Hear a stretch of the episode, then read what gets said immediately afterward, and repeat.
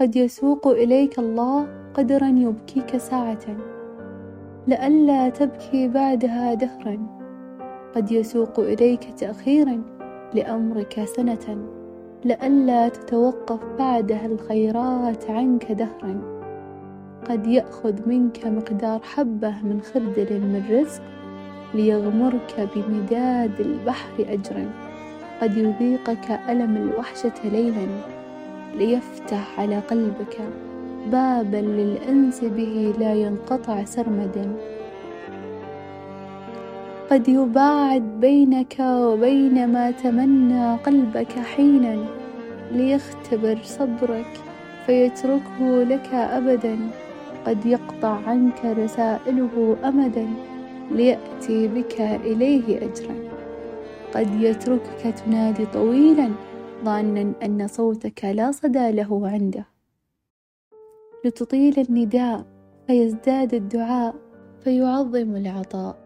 قد يكتب عليك قدرا لم تتصور أن يكتبه عليك يوما. لأنه يخبئ لك بعده رزقا لم تتوقعه أيضا.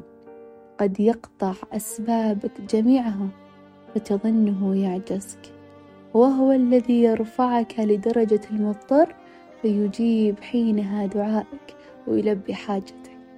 قد يتركك للأيام تأكل جدران قلبك يأسا دون إجابة لأنه يعلم مدى حلاوة الجبر بعد اليأس من النصر فيكتب لك أجر الصبر وحلاوة الجبر. قد يراك نائما قانطا من رحمته ساخطا على قدره ثم يوقظ عبدا صالحا من عباده في ثلث الليل. يذكرك فيدعو لك غيبا. قد يفعل الله لك شيئا تتعجب.